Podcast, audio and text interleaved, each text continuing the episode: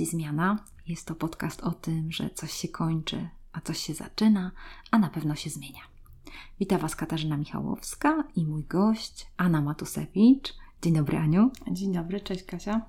Bardzo się cieszę, że jesteś z nami. E, Anię znam już kilka ładnych lat i to jest fajna osoba i dzisiaj naprawdę będziecie mogli ją poznać. Ja bym ją poprosiła, żeby powiedziała kilka słów o sobie zawodowo jestem związana z Instytutem Kultury Miejskiej e, w Gdańsku i w pracy zajmuję się wydarzeniami literackimi. I są to przede wszystkim festiwale literackie. Mamy ich w Gdańsku dwa, a więc moją pracą jest koordynowanie tych festiwali, ale też e, organizowanie różnych innych wydarzeń około literackich w IKM-ie właśnie. Ja Anę znam od tego, że była blogerką, fotografką, pracowała jako wolontariusz i razem od razu załapałyśmy flow, te nasze e, fajne rozmowy na temat e, zaangażowania społecznego, na ten temat, że można być proaktywnym, że można coś zrobić, też taka sprawczość. Znaczy w ogóle rzeczywiście ta sprawczość, o której mówisz, to jest no, mega ważny temat dla mnie i obecnie zajmuję się literackimi rzeczami e, i jeżeli tak będziemy krok po kroku cofać się, no to kiedyś prowadziłam bloga poświęconego książkom. Robiłam właśnie różne takie inicjatywy e, książkowe, co poprowadziło niejako w stronę tego zainteresowania literaturą i mojej obecnej pracy, ale jeszcze wcześniej z kolei byłam związana z organizacjami pozarządowymi i w różny sposób e, współpracowałam z nimi. Początkowo też jako tłumacz, bo z wykształcenia jestem tłumaczką.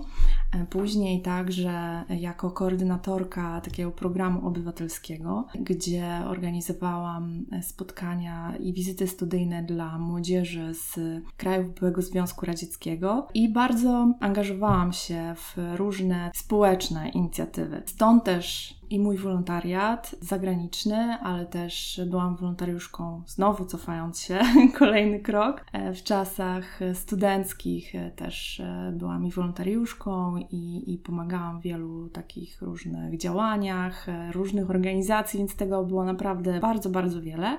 A powiedz mi dlaczego? Co Cię motywuje do tego, żeby się angażować? Jak tutaj zaczęłaś studia i nagle zaczęłaś się angażować. Dlaczego? Wcale to tak nie było, że przyjechałam na studia i nagle zaczęłam się angażować bo jeszcze y, będąc w szkole również robiłam różne czasami dziwne rzeczy. Wprawdzie na koniec szkoły nie dostałam czerwonego paska, bo byłam słaba z fizyki. To na przykład mi fizyka podstawiła nogę, pamiętam, e, co moja nauczycielka fizyki na rozdaniu dyplomów mi wypomniała. No ale e, za to dyrekcja wręczyła mi, pamiętam, taki dyplom za, e, specjalny dyplom za zaangażowanie społeczne, więc mhm. dzisiaj nawet wszystkiego mogę nie pamiętać, ale robiłam wiele rzeczy. To wtedy też była moja przygoda z harcerstwem, bo byłam aktywną harcerką w Wilnie. Pracowałam jeszcze zanim skończyłam szkołę, współpracowałam z redakcjami lokalnych gazet polskich. Był to Kurier Wileński, była to Gazeta Wileńska, więc no, y, dużo różnych rzeczy robiłam. I kiedy przyjechałam na studia tutaj do Gdańska, akurat ten pierwszy rok był taki dosyć trudny, bo chciałam dalej coś działać, a się okazało, że ten pierwszy rok spędziłam na takiej trochę adaptacji do nowego środowiska. No ale później, jak się odnalazłam w tym nowym miejscu, to, no, to ruszyłam znowu z mhm. różnymi innymi rzeczami. Od tego nie uciekniemy, jeszcze pogadamy o tym Twoim pierwszym roku, ale jak już widzicie, jeżeli ktoś nie zna Anny, no to już tutaj i pojawia się Wilno, i kurier wileński. Chciałam Ciebie zaprosić, żebyś nas wprowadziła do miejsca, gdzie się urodziłaś. Też ile lat już jesteś w Polsce. No i też na pewno Cię zapytam, dlaczego w ogóle tutaj się zdecydowałaś przyjechać na studia no tak, urodziłam się w Wilnie, w Wilnie skończyłam szkołę, e, szkołę imienia Adama Mickiewicza, mm, Wieszcza wspaniałe, wspaniałe liceum. tak, tak, to szkoła polskojęzyczna, więc wszystkie zajęcia, wszystkie lekcje odbywały się wtedy w języku polskim. Wiem, że później to się troszkę zmieniało ze względu na różne ustawy, które wchodziły na Litwie i wiem, że część przedmiotów mogło być prowadzone również po litewsku, ale za moich czasów była to stuprocentowo polskojęzyczna szkoła, szkoła, więc... Czyli nauczyciele też byli Polakami, którzy uczyli w sensie takim, że znali dobrze język polski, czy jak tak, to wyglądało? Tak, tak. Mhm. Wszyscy nauczyciele świetnie mówili po polsku, po polsku wileńsku, bo tu można wprowadzić to rozróżnienie. Język polski w Wilnie, ten wileński polski może się troszkę różnić i jak ktoś z Polski pojedzie do Wilna i porozmawia z takim Polakiem wileńskim, to na pewno zauważy mm -hmm. pewne różnice. W czasach, kiedy ja kończyłam szkołę, funkcjonował taki program stypendiów rządu polskiego dla osób polskiego pochodzenia w różnych krajach byłego Związku Radzieckiego, w tym innymi Litwy. Tak się złożyło, że udało mi się zdobyć to stypendium. Osoby, stypendyści rządu mogli przyjechać e, do Polski, studiować na polskich uczelniach. I tak właśnie trafiłam tutaj do Gdańska. Powiem Ci, Aniu, że kiedy opowiadasz o tym, że tam się uczyłaś w Wilnie, że się tam urodziłaś, to ja, słuchaj, mam takie w głowie po prostu taki obraz cudownego miasta, płynącego miodem i chlebem i po prostu solą, cudo- z cudownymi ludźmi, ale wszystko przez to, że moja mama do 17 roku życia mieszkała w Wilnie. Tak jak ja. Więc podobnie. I to naj, najpiękniejsze te lata młodzieńcze spędziła tam. Co prawda składali razem z babcią y, kilka razy, chyba wydaje mi się, że cztery razy prośbę o repatriację, czyli przeniesienie do Polski, bo już to nie była część y, Polski, tylko Związku Radzieckiego. Dostawali kilka odmów i w końcu przyjechali tak właściwie ostatnim transportem, dlatego ona tak długo tam była, do 17 roku życia. Przyjechała ostatnim transportem do Polski i powiem Ci jedną z rzeczy, o, o której Ty powiedziałaś, że ten polski, wileński jest inny niż polski. Zaczęła mówić po polsku i okazało się, że nie mówi po polsku.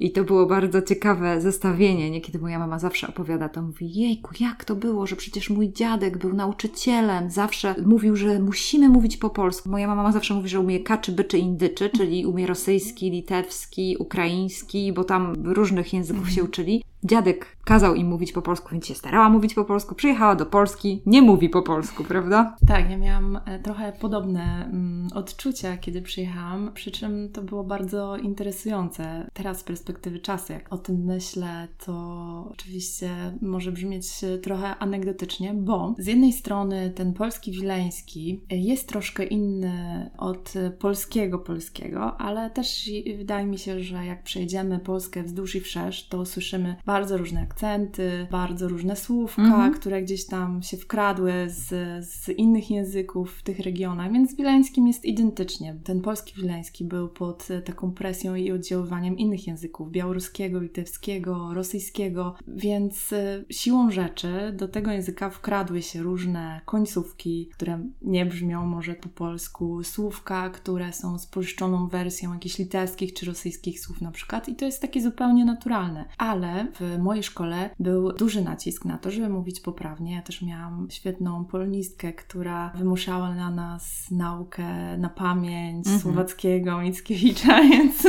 Ojej. tak, więc trzeba było, trzeba było się tego wszystkiego uczyć. Ten język polski, literacki język polski, świetnie znałam. Potrafiłam nawet mówić polskie ły, nie ły. Mm, brawo. Tak, więc e, tak to wyglądało. A ale, co z H umiałaś? E, też e, doskonale odróżniam H i H. Brawo. więc e, pewne rzeczy były dla mnie oczywiste e, i kiedy przyjechałam tutaj do Gdańska, to się okazało, że mój literacki polski no jednak nie wystarczy, żeby zrozumieć wszystko, szczególnie na, no, wśród młodych ludzi, 18-19-letnich Polaków w otoczeniu, których znalazłam się, więc to był taki przyspieszony kurs innego trochę polskiego, nacechowanego dużą potocznością, różnymi słówkami, których znaczeń nie rozumiałam, typu beka, ale beka, co to znaczy w ogóle?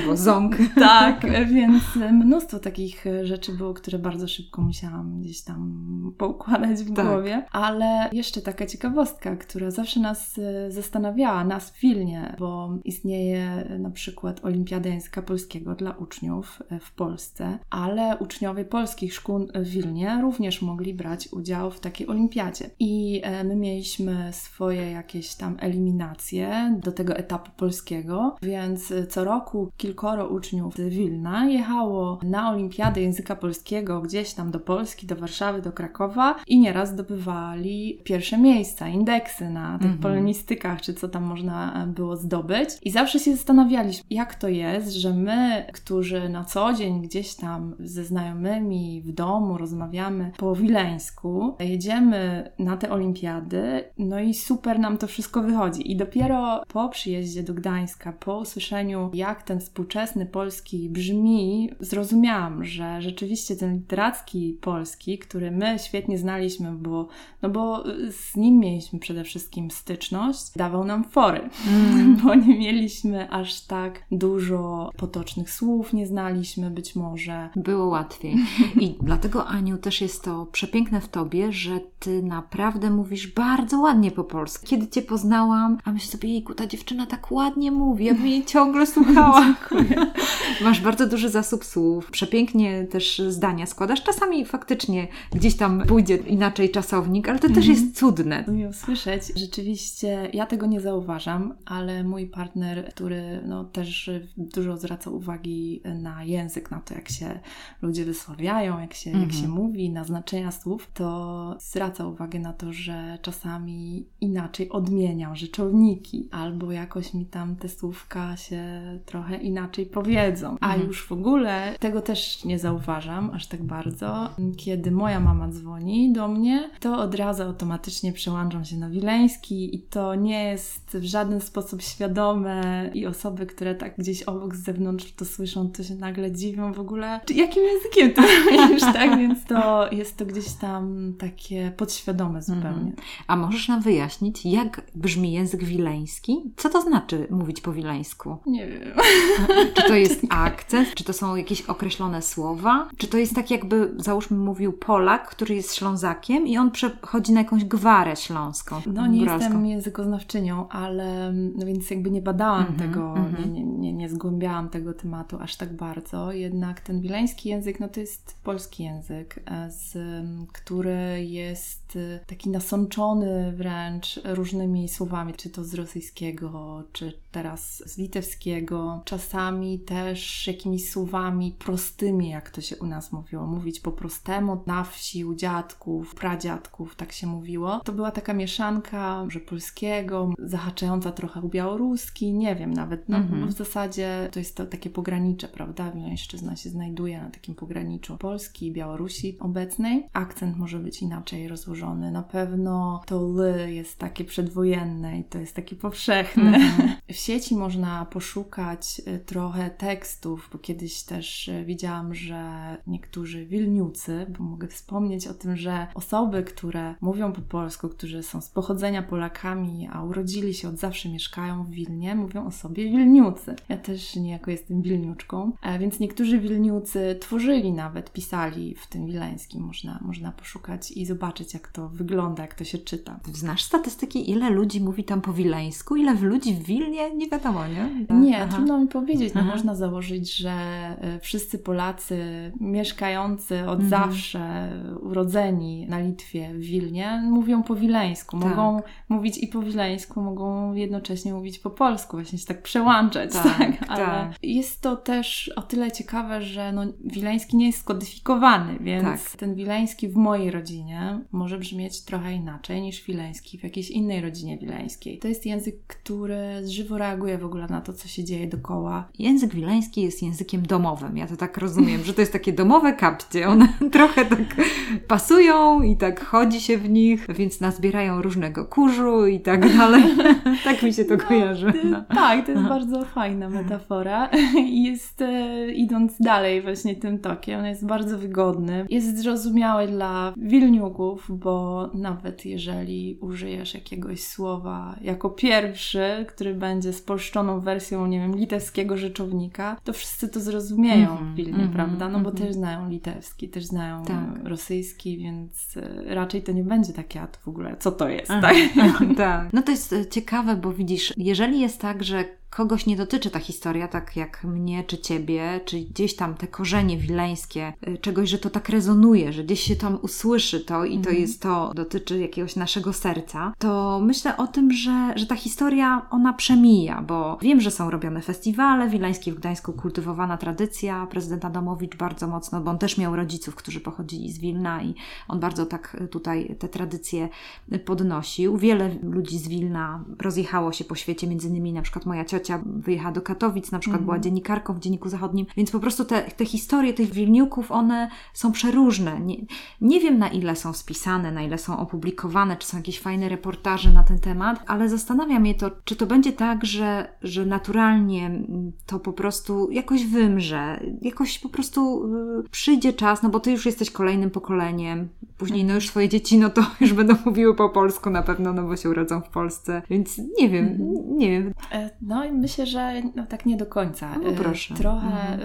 e, wspomniałaś o tym, że, że nie wiemy, czy te historie są spisane. Mhm. E, Wiem, że w Gdańsku był realizowany taki projekt, takie działania spisujące, nagrywające rozmowy z ludźmi z Wilna, którzy kiedyś przyjechali tutaj, bo była taka fala osób e, z Wilna. Którzy przyjechali tutaj jako repatrianci do Gdańska. tak, do, tak, tak, mnie- czy też na te ziemie odzyskane Tak. tak, zwane, Mhm. też y, wielu profesorów, czy Politechniki, czy tego Uniwersytetu Medycznego kiedyś właśnie pochodzili z Wilna. Organizowało to Towarzystwo Ziemi Wileńskiej, czy jakoś tak ta się organizacja nazywa, m, działa tutaj w Gdańsku, E, więc oni zbierali Spisali te, te historie. historie, dokładnie, robili też wystawę, można, można poszukać, myślę, że tam wiele y, ciekawych takich głosów można usłyszeć i wspomnień. Nie sądzę, że to gdzieś tam zniknie i Mhm. umrze, bo owszem, no, wiele osób się rozjeżdża. To między innymi też była taka trochę bolączka tego programu stypendialnego, w ramach którego ja też tu przyjechałam do Gdańska, że w zamyśle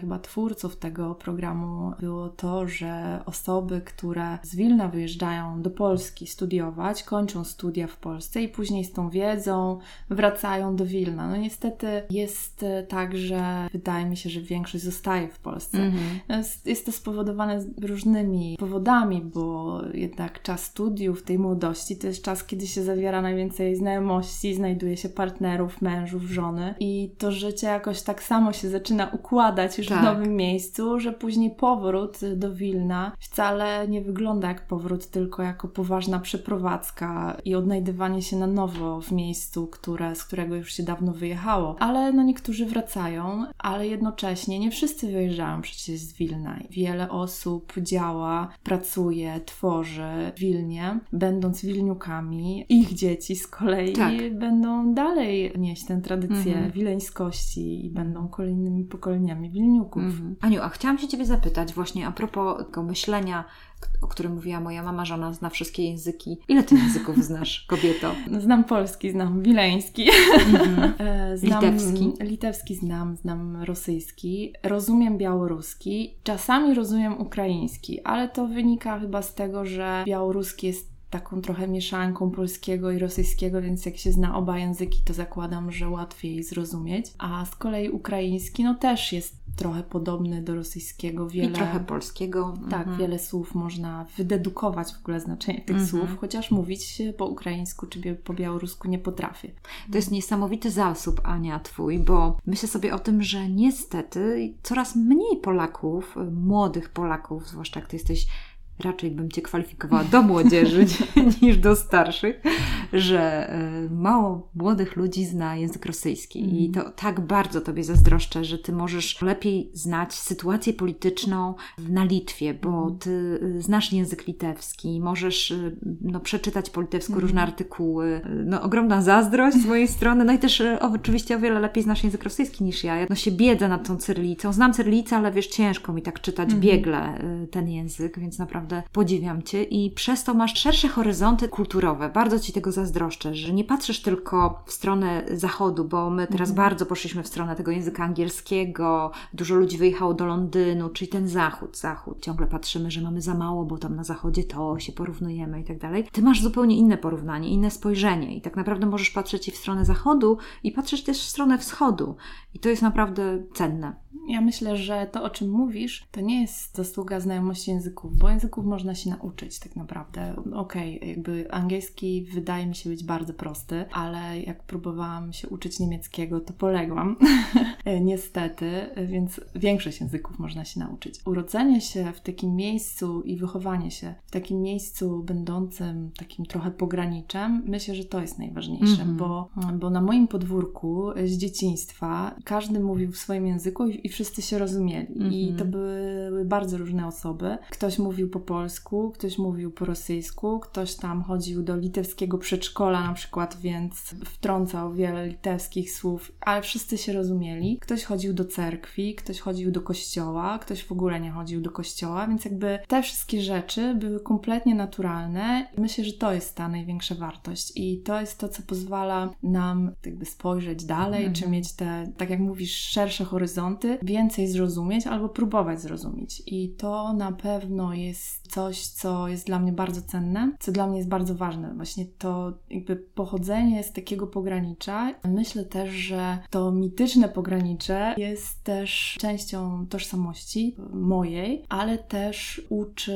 wrażliwości, bo bez tego no, można byłoby skurczyć się ze złości i nie ze zrozumienia tego, co się dzieje dookoła. A no, musisz się otworzyć na mm -hmm, innych, na -hmm. inność, zrozumieć na przykład, dlaczego ten ktoś jest inny od ciebie, dlaczego ten ktoś obchodzi święta w innym terminie niż ty, albo chodzi na cmentarz nie 1 listopada, tylko w jakimś innym czasie, albo zanosi tam jedzenie na przykład. Mhm prawosławiu są dni, kiedy bliskim, zmarłym bliskim zanosi się jedzenie na, na, na cmentarze. Więc jakby widzisz to, obserwujesz, poznajesz, dowiadujesz się, próbujesz to zrozumieć, idziesz sobie dalej. Nie, nie, jakby nie zatrzymujesz się nad tym, że o, to jest jakiś dziwny człowiek, tak? Mm -hmm. Tylko no, to też jest człowiek, jest taki mm -hmm. sam jak ty, mieszka w tym samym miejscu, więc ta różnorodność e, jest e, z tych pogranicza jest, jest czymś naprawdę, nawet powiem, formacyjnym. Daje tożsamość. To jest bardzo fajne, Aniu, co powiedziałaś, bo e, to naprawdę dotyka bardzo głęboko mojego serca, bo myślę sobie o mamie. To, co powiedziałaś teraz, to też tłumaczy mi ją, wiesz? Mm -hmm. dlaczego ona taka jest? Bo ona była wychowana w miejscu, gdzie obok nich mieszka mieszkali Żydzi, gdzie widzieli na przykład ich tradycje. Kiedyś Wilno było pełne mhm. Żydów, teraz już nie jest tak, ale mama bardzo mocno spotkała się z tymi tradycjami i tak jak powiedziałaś, to mówiła, że oni wszyscy razem po prostu spędzali czas, mhm. później tam się pozmieniało, wiadomo, że, że ten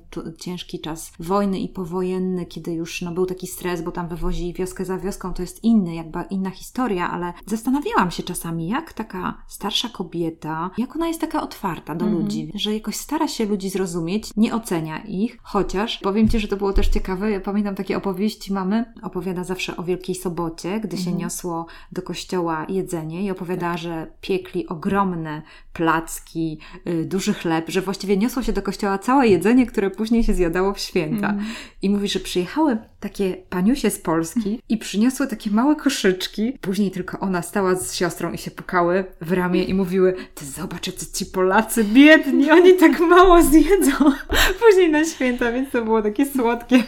Inna kultura, inne zrozumienie. W moim domu po kawałeczku się święciło tak, święconkę, tak, więc tak bliżej już tej może polskiej, polskiej tradycji. tradycji. Ale na przykład moi rodzice ze swoimi przyjaciółmi obchodzili dwa Sylwestry. E, Sylwester 31, czyli spotkanie Nowego Roku, a później, dwa tygodnie później, 13 stycznia, Stary Nowy Rok, czyli jakby według starego kalendarza, który w tradycji rosyjskiej czy radzieckiej gdzieś tam się uchował. Każda okazja do świętowania jest dobra, prawda? Więc, więc można było e, później jeszcze taką powtórkę Sylwestra zrobić w styczniu. Mhm. A powiedz mi, Aniu, czy pamiętasz, że tam była taka tradycja też w Wilnie chodzenia do bani? Czy to jeszcze przetrwało, czy już nie? Nie wiem, czy można jakby nazwać to tradycją, ale mhm. łaźnia, czy też bania istnieje i funkcjonuje. Ja akurat osobiście nie przypadam za, za łaźnią, bo jest po prostu za gorąco w niej. Ale mój tata, kiedy moi rodzice przenieśli się za miasto i zamieszkali w domu, przy którym można było wybudować banię,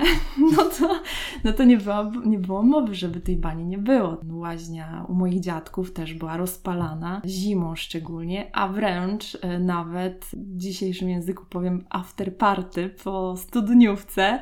Również mieliśmy w takim miejscu, jakby gdzie część tego pomieszczenia była łaźnią z basenem takim zimnym i pamiętam chłopacy po prostu wyskakiwali z tych garniturów, szli do łaźni, potem wskakiwali do lodowatego basenu, no bo w takiej prawdziwej bani e, właśnie chodzi o to, żeby się rozgrzać mocno, potem wskoczyć najlepiej do e, takiego zamarzniętego jeziora i potem znowu skoczyć i się ogrzać do, do tej łaźni. No tak, czyli Ania zdecydowała się przyjechać do Polski. Ten pierwszy rok, o, o którym mówiłaś o języku, na pewno jakoś y, musiałaś przeżyć. Ale powiedz mi, jak patrzysz na, na ten pierwszy rok i w ogóle to, jak przyjechałaś do Polski, no co cię wkurzyło, zdziwiło, zaszokowało?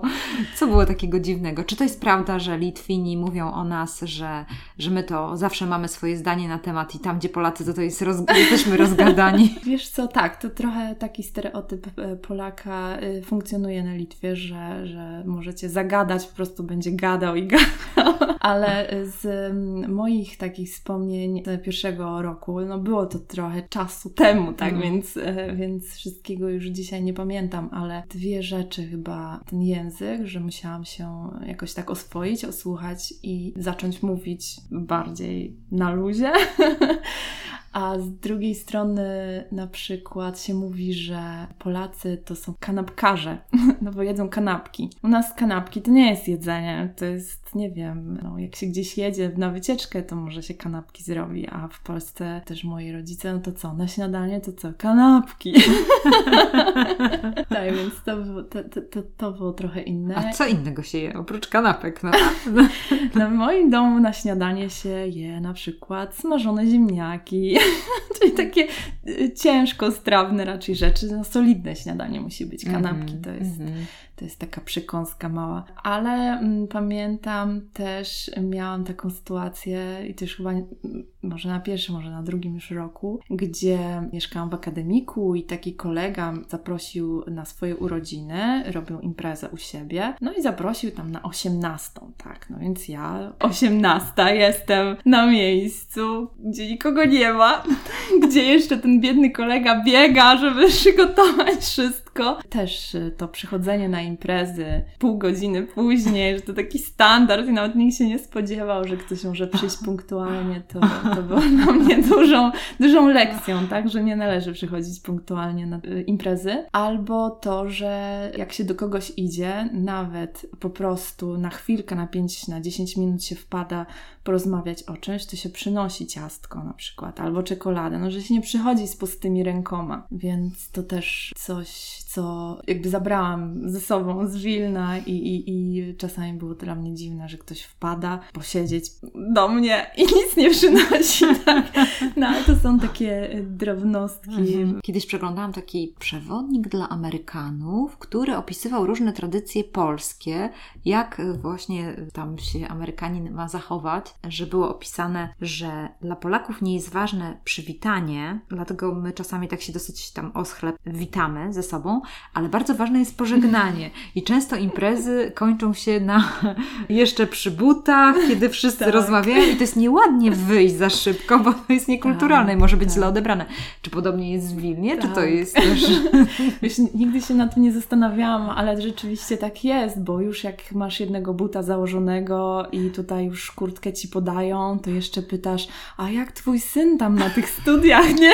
No a wiadomo, że to się nie da odpowiedzieć, a w porządku, tak, tylko tak, trzeba powiedzieć, że już ma nową dziewczynę, albo że oblała egzaminy, albo coś tam, więc kolejne 10 minut z głowy, potem kolejnego buta zakładasz i no, a, a co tam u Ciebie, to z pracy się rozwiązała sytuacja, czy nie? No i znowu nie da się tego zamknąć w jednym zdaniu, więc rzeczywiście, rzeczywiście tak jest.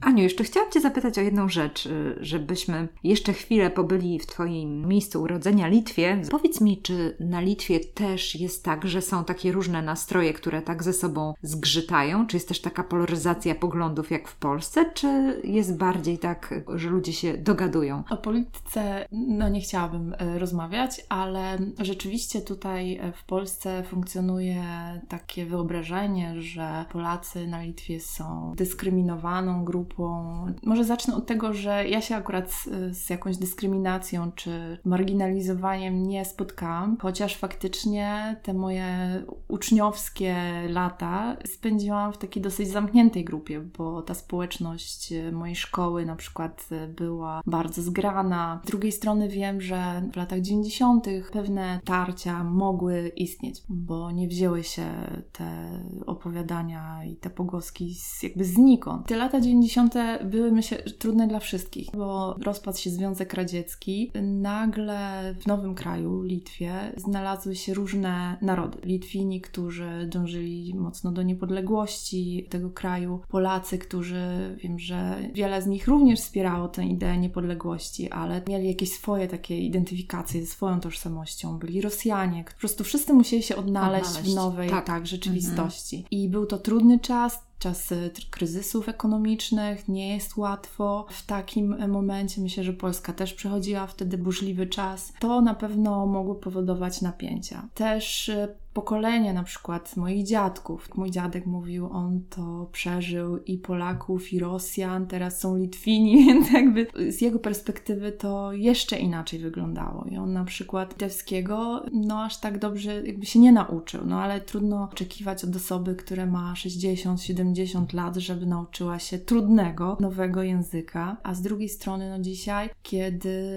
młodzież, czy też osoby, już nie mówiąc o takich osobach młodszych ode mnie, którzy w ogóle mówią po litewsku. Zupełnie jakby nie można odróżnić, czy ktoś jest Litwinem z pochodzenia, czy Polakiem z pochodzenia, więc dobrze się odnajdzie i na rynku pracy i, i nie będzie słychać, że w ogóle może mieć jakieś inne pochodzenie. Trudno mi o tym mówić, bo tak jak wspomniałam, ja się nie spotkałam mm -hmm, z czymś mm -hmm, takim. Mm -hmm. Wydaje mi się też, że, że pewne jakieś tam nastroje, być może takie nacjonalistyczne, tak jak w całej Europie, czy na całym świecie teraz też się pojawiają, -hmm. mogą się pojawiać. Tak, tak. Aniu, jak mówisz o, o dziadku, o tym, że on przeżył tego, przeżył tego, no to ja, jak wy się utożsamiacie jako rodzina? Jak wy określacie swoją tożsamość? No ja mogę mówić tylko za siebie, tak, tak naprawdę, bo jest to temat bardzo trudny i przyznam szczerze, że były momenty, kiedy się nad tym zastanawiałam, bo wydaje mi się, że jest bardzo łatwo się z, jakoś zidentyfikować tożsamościowo, kiedy właśnie nie jest tego pogranicza, bo wtedy nie, możesz nie stawiać nawet sobie takich pytań. Jestem po prostu, nie wiem, Polakiem, bo moi rodzice są Polakami, jestem katolikiem, bo moi dziadkowie też chodzili do kościoła, tak więc y, w pewnych takich schematach po prostu wtedy łatwiej iść. A w moim przypadku zaczęłam sobie zadawać to pytanie już po przyjeździe tutaj, no bo było tak, że chodziłam do szkoły polskiej, w domu mówimy po polsku, więc uważałam siebie za Polkę, a kiedy przyjechałam tutaj do Polski, to się okazało, że nie jestem Polką. Musiałam sobie odpowiedzieć na to pytanie, no to kim jestem? Mm -hmm. Czy mhm. jestem tą Polką, czy nie jestem tą Polką? Mm. A jeżeli jestem, to dlaczego? Albo jeżeli nie jestem, to też dlaczego? Więc te różne pytania musiałam sobie zadawać i zadawałam wtedy, ale były momenty, kiedy też musiałam jakby na nowo sobie zadawać te pytania i dawałam sobie inne nowe odpowiedzi, bo z kolei, kiedy no, mieszkam tu w Polsce już 17 lat i kiedy przyjeżdżam do Wilna, no to znowuż nie jestem już za bardzo stamtąd, tak? tak? I to Wilno też jest inne. Więc kim jestem? Wydaje mi się, że jestem wilniuczką, a przyjeżdżam tam i nie do końca już jestem. Więc wydaje mi się, że tożsamość opiera się na wielu takich wymiarach. Jakby możemy na nią spojrzeć tak wielowymiarowo. Z jednej strony to kultura, tradycja, język. A więc e, jeśli chodzi o kulturę, tradycję i język, no to zdecydowanie e, jestem Polką. Czy też e, Wilniuczką, bo jednak zawsze postrzegałam Wileńszczyznę czy Wilno jako moją taką małą ojczyznę. No ja w ogóle jestem wielką zwolenniczką małych ojczyzn.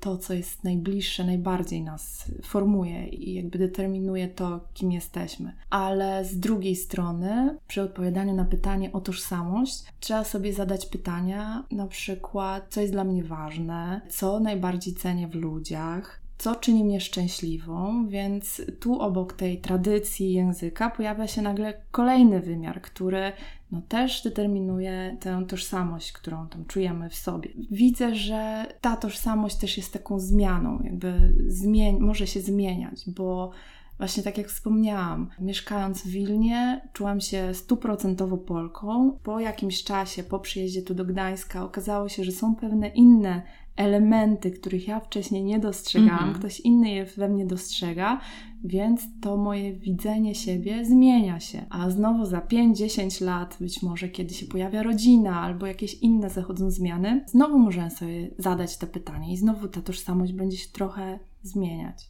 No w ogóle to jest cie, taki ciekawy temat tożsamości i tego, jak ją postrzegamy i czy ta tożsamość to jest tylko bycie Polakiem albo bycie, nie wiem, tam katolikiem albo bycie tatą, mamą i tak dalej. To nie jest takie proste, to nie jest takie jednoznaczne i, i dlatego tak sobie myślałam, jak jechałam do Ciebie, mm, takim Twojej zajawce do podróżowania i też to podróżowanie, to, to było takie też mi bardzo bliskie, bo Ty podróżujesz w taki sposób organiczny, że starasz się poznać kulturę, państwo. I tak sobie myślałam, Miku, czy Anna nie jest taką obywatelką świata też z drugiej strony, bo Ty y, jakby, no masz w sobie coś takiego, że, że chcesz poznawać te inne kultury. Też często o tym rozmawiamy, bo to, to, to nas fascynuje, ta, ta kulturowość, -hmm. skąd coś pochodzi, dlaczego jest tak, dlaczego tak, skąd na przykład tam kiedyś pamiętasz nasze dyskusje o Portugalczykach, -hmm.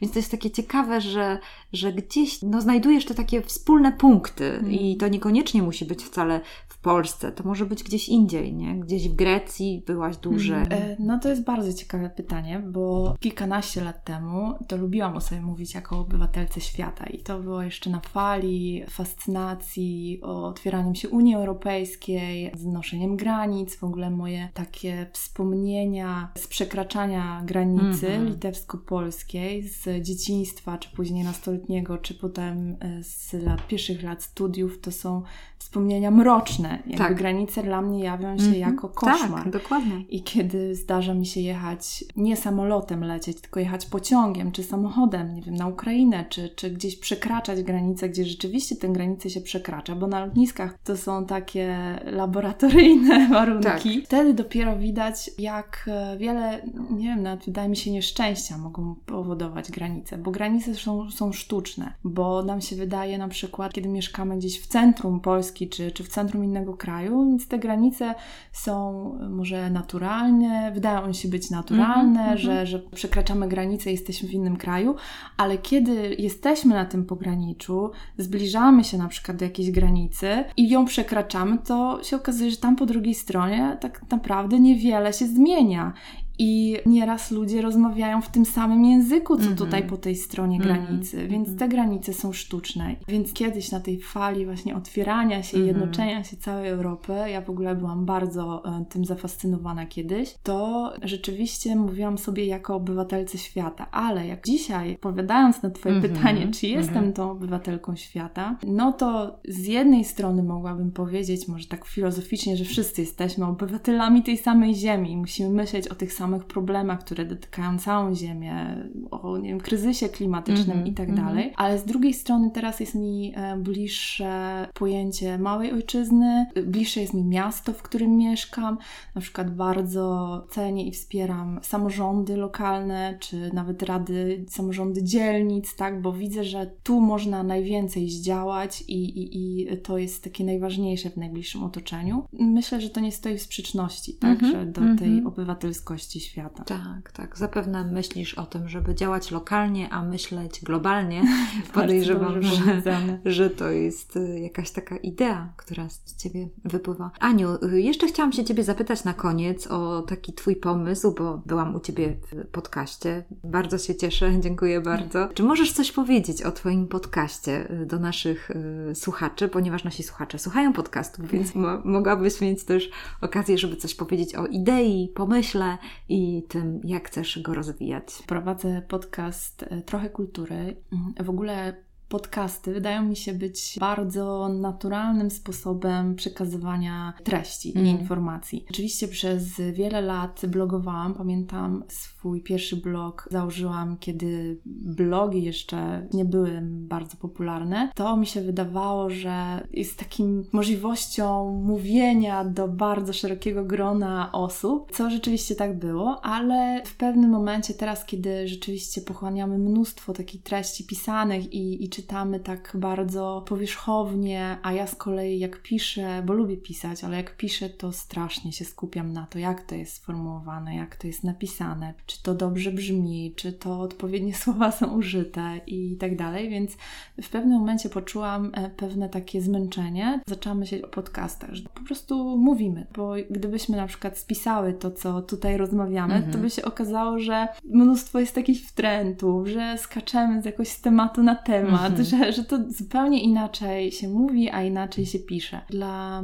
próby nagrałam kilka e, moich przemyśleń na różne kulturalne tematy, głównie około książkowe, bo, bo to jest taka moja działka. Się okazało, że czerpię z tego bardzo dużo satysfakcji, a sama też słucham sporo podcastów, więc wiem, że to też można słuchać w drodze albo zmywając naczynia, więc też jakby nie wymaga od nas aż takiego dużego zaangażowania, żeby te treści chłonąć. A jeśli chodzi o temat, to no, jest związany z moimi zainteresowaniami, które no, są związane z tym, co robię w pracy, ale w podcastach nie mówię o pracy. Mhm. Poczułam też taką potrzebę, że, żeby trochę rozdzielić, bo no, to jest taka pułapka, że jak pracujemy, robimy w pracy to, co lubimy, to nagle się okazuje, że non-stop jesteśmy w pracy. Bo największym kłamstwem podobno jest to, znajdź sobie taką pracę, którą lubisz, a nie przepracujesz ani jednego dnia. No niestety, jak znajdziesz taką pracę, którą lubisz, to będziesz non-stop w pracy i w pewnym momencie jest to bardzo męczące. No i praca miejskiej, samorządowej instytucji kultury powinna mieścić się w pewnych ramach i to, co się w tych ramach nie mieści, a wciąż mnie jakoś interesuje, chcę przenosić do tego podcastu. Więc głównie Głównie są to moje jakieś tam dywagacje, przemyślenia na różne około książkowe tematy. Polecam w tych podcastach fajne lektury, fajne tytuły. Wydaje mi się, że będą to przede wszystkim literatura faktu, bo to jest to, co najwięcej czytam i bardzo cenię. Być może gdzieś tam się też przemyci czasami coś innego, ale też planuję, żeby się pojawiały i rozmowy. Ostatnio była to innymi rozmowa ze Stasią Budzisz, która napisała książkę o Gruzji i to też mega ciekawe mi się wydało. Zarówno książka, jak i to, jak ona postrzega tę Gruzję, bo no, jest kobietą, reporterką. Gruzja jest bardzo takim patriarchalnym krajem, więc to są takie różne, różne e, niuanse można było wyciągnąć. Ale nie wykluczam też, że poza książkami też się pojawią jakieś inne tematy mm -hmm. kulturalne, stąd mm -hmm. też mhm. tytuł trochę kultury. Dlatego zachęcam każdego, kto chce poznać lepiej Anę, żeby po wysłuchaniu naszej rozmowy też zaczął szukać Twojego podcastu i zobaczył, jak można Ciebie lepiej poznać. jeszcze jedną rzeczy, którą bym chciała wrócić i już będziemy kończyć, zagaszali naszą rozmowę właśnie do tego organicznego podróżowania. Tak, bo wspomniałaś o tym organicznym podróżowaniu i rzeczywiście ja się skupiłam na tym obywatelstwie. Rzeczywiście, kiedy decyduję się na jakiś wyjazd, bardzo rzadko planuję, że chcę zobaczyć jakieś muzeum czy wieże, bo to rzeczywiście są fajne miejsca do zobaczenia i czego się dowiadujemy o tym kraju czy o kulturze, odwiedzając te zabytki, ale mimo wszystko to, co jest najcenniejsze i mm, być może to też jest związane z tym pochodzeniem z pogranicza, to jest właśnie poznawanie tego, czego nie widać na pierwszy rzut oka, tak? Czyli poznawanie ludzi, rozmawianie z nimi, jak żyją, o czym myślą, jak widzą rzeczy, które dla mnie są może naturalne, dla nich czasami są dziwne, dlaczego tak jest. Więc to podróżowanie jest chyba takim poszukiwaniem trochę, poszukiwaniem ciekawych rzeczy, ale też poszukiwaniem siebie, bo siebie też poznajemy lepiej poprzez zderzenie z kimś innym. I to rzeczywiście zauważyłam jakiś czas temu, że to jest mega fascynujące dla mnie, daje mi dużo satysfakcji. No to jest ten kierunek, który w podróżowaniu bardzo polecam każdemu, bo daje dużo przestrzeni do refleksji i też do poznawania siebie mm. i innych. To ja miałam taki właśnie pomysł na ciebie, że ty gdzieś tam ta dziewczyna z tego pogranicza lubi tak gdzieś e, poszukiwać. Wiesz skąd to miałam? Od mojej mamy. Jakoś, nie wiem, no tutaj jest wiele podobieństw i to jest ciekawe. Ciekawe to jest, to mi się podoba ta rozmowa ze względu na to, że, że można popatrzeć na to, że jakaś starsza pani, dawne czasy, mm. przeżyła jakąś taką ścieżkę, którą ty przeżyłaś już będąc młoda, ale tak naprawdę te potrzeby, y, składanie swojej tożsamości, odkrywanie samej siebie jako kobieta, później jako żona, matka i tak dalej, y, jakieś przekazanie mnie jako dziecku różnych y, przemyśleń, też późne macierzyństwo, no, ma takie podobne punkty i to mi się mm. bardzo podoba i to jest fajny zaczynek do reportażu, który może kiedyś napiszę. Anna, bardzo Ci dziękuję. Dziękuję Ci, że przyjęłaś moje zaproszenie. To ja bardzo dziękuję, bo super e, było porozmawiać właśnie na takie e, tematy, nad którymi czasami jakby na co dzień się nie zastanawiasz. Mm -hmm. No, to jest fajne. Dzięki bardzo. Dzięki, Kasia.